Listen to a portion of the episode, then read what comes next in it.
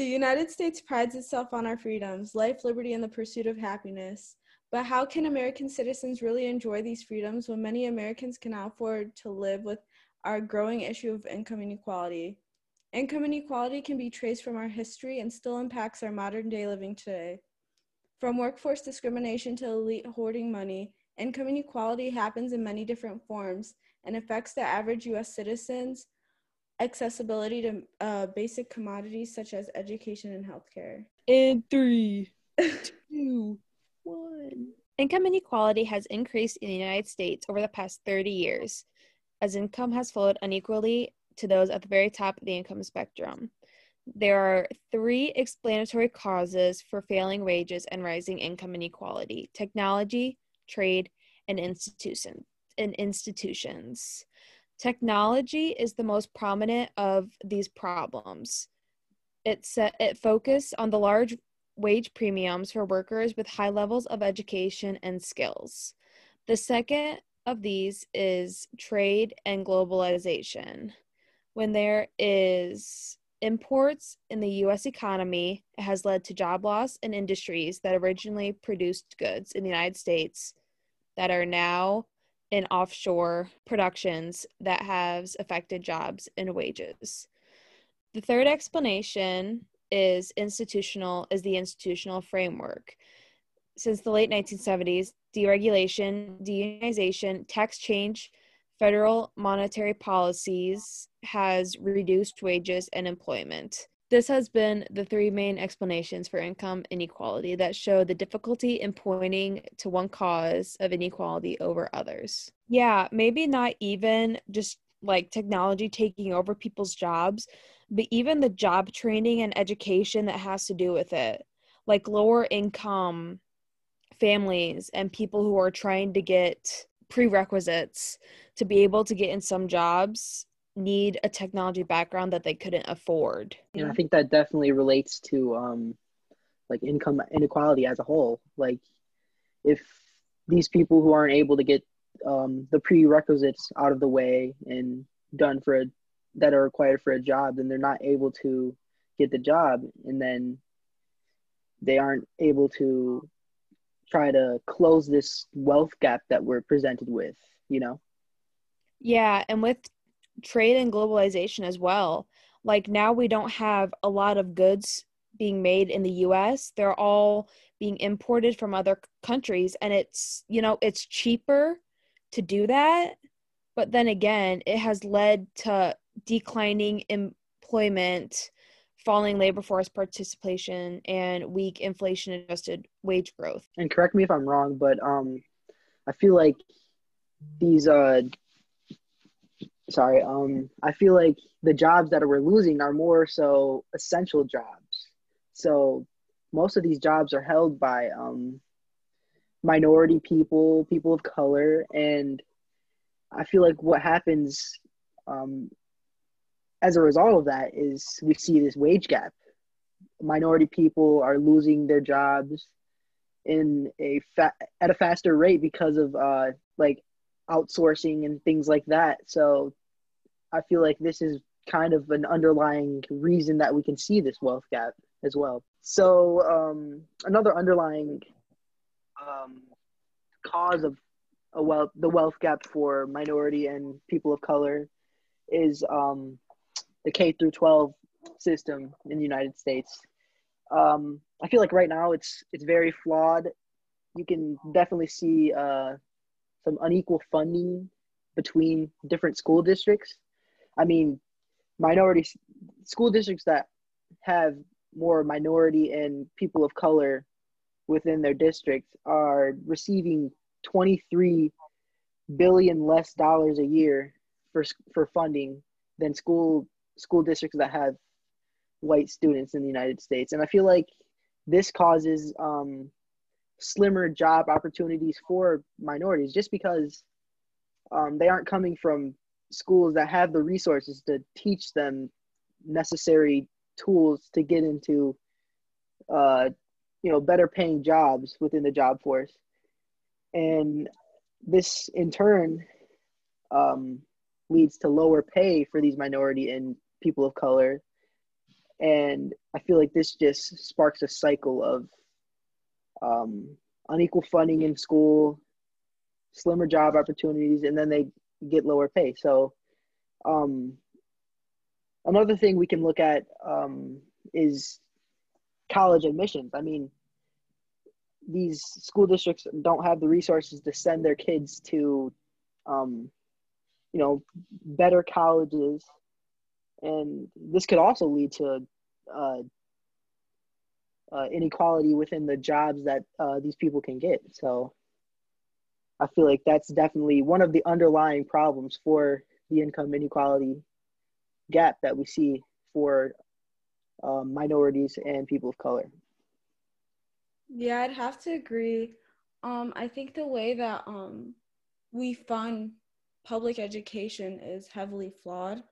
Um, um, making education like funding education through property taxes um, really leads to minority students, especially not getting the ad- adequate education they need um, because minority students do tend to live in lower income housing. And with lower mm-hmm. income housing, they don't generate as much um, in property taxes, whereas white families tend to live in nicer homes that they pay higher property taxes for. So their schools get better funding and they have more access to like um, resources to get into better colleges. So um, another thing we can look at is the amount of CEO positions held by white males compared to white women and also uh, people of color in general. Is there's just an an enormous difference in um, the amount of CEO jobs that are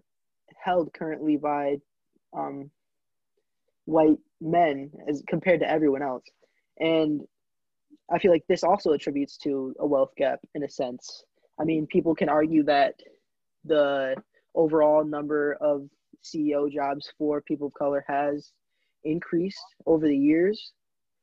But then again, um, the the number of CEO jobs has also increased. So in relation to the number of CEO jobs that are held by um, white men, it's and it's it's an insignificant change, and I think something needs to happen there before we can really start to look at, you know, what's really causing the wealth gap.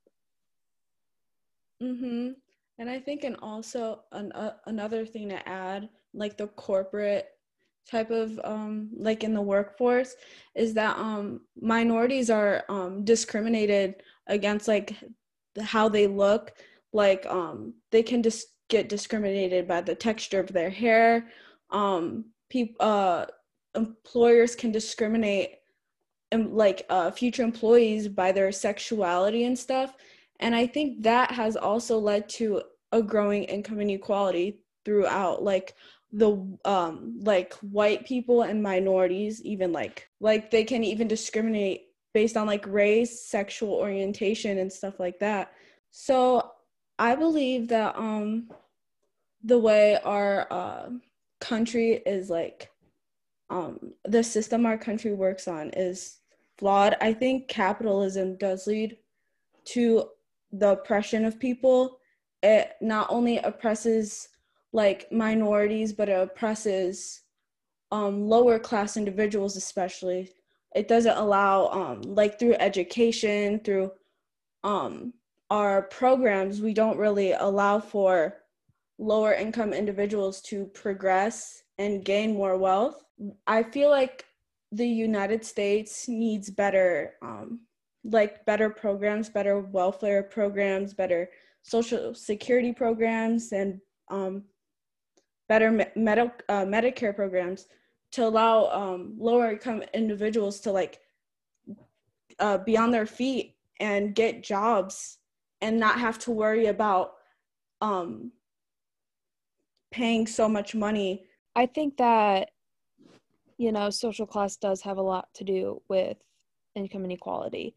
Just seeing how, you know, there was so little of the population that is in the upper class, you see how it's just not distributing well. How, you know, we hear that, you know, the rich keep getting richer and the poor keep getting poorer. Like that's what we hear. And just that phrase itself shows income inequality because if we want it to be equal, everyone should be given the equal opportunity to be able to, you know, become CEOs and to have a good education so that it all balances out. Yeah, I think there definitely needs to be a balance of opportunity and the top 1% of wealth people in that tax bracket hold so much of the money in the United States. And I mean, you talked about distribution. I mean, there definitely needs to be, I mean, to start off, we need to focus on the opportunities available. I think that needs to be the first thing um, done when talking about like the gap within between the top 1% and everybody else in America. So mm-hmm. I feel like that is a good starting point. Yeah. And I think that um the elite do hoard so much money and um they they won't give it up. Like if we look at Amazon they um put so many businesses like uh they put so many businesses like out of business. Like um with their competitors they'll um lower their prices because they can afford to lower prices which um uh causes businesses to fail so they don't have like competition. And um then they raise their prices and make as much profit as they can by destroying small businesses. Yeah. Amazon amazon is definitely something that kind of makes me worried because i mean just recently they acquired whole foods i think it was something like that.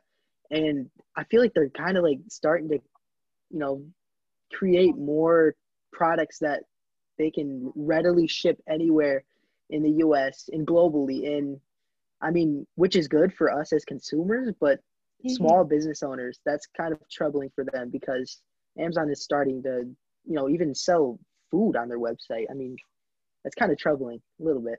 Yeah, they also just started recently. They're um going to start selling medications. So they're trying to put pharmacies out of businesses. So even Ooh. like big companies like Walgreens and CVS and Rite Aid um, have yeah.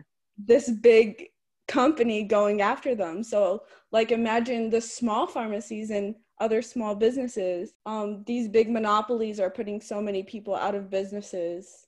Yeah, and- a, a monopoly, I think, is probably the best way to describe it at this point. I mean, mm-hmm. they control so many different markets. It's it's ridiculous. Yeah, and I feel like the only way to stop it is by um, uh, the government regulating these monopolies. Exactly. Yeah, they're exactly. just letting them put so many people out of business, and it's very bad for um, the average, uh, like the average U.S. citizens. I think definitely here pretty soon we're gonna see some regulations for Amazon and other companies like that. Definitely pretty soon because you know, it's already tough enough with COVID being a small business, and then you have to compete against uh, someone who's not even in your league. I mean, yeah, there's definitely going to be something that is happening there. Americans across the country have different views on how we are able to resolve our ever increasing struggle with income inequality. Some suggest that the federal government is at blame. They believe that the root cause of, finan- of the financial gap is inaccessibility to equal education and job training to lower income individuals. Others might suggest the government better allocate their financial resources to better our welfare, Social Security, and Medicare programs. Others might suggest that the elite have monopolized the business industry and that the government should impose more regulations to protect small businesses across the country. All in all, real change will only come through gradual but constant efforts by our citizens and government to create more opportunities for all. Dun, dun, dun.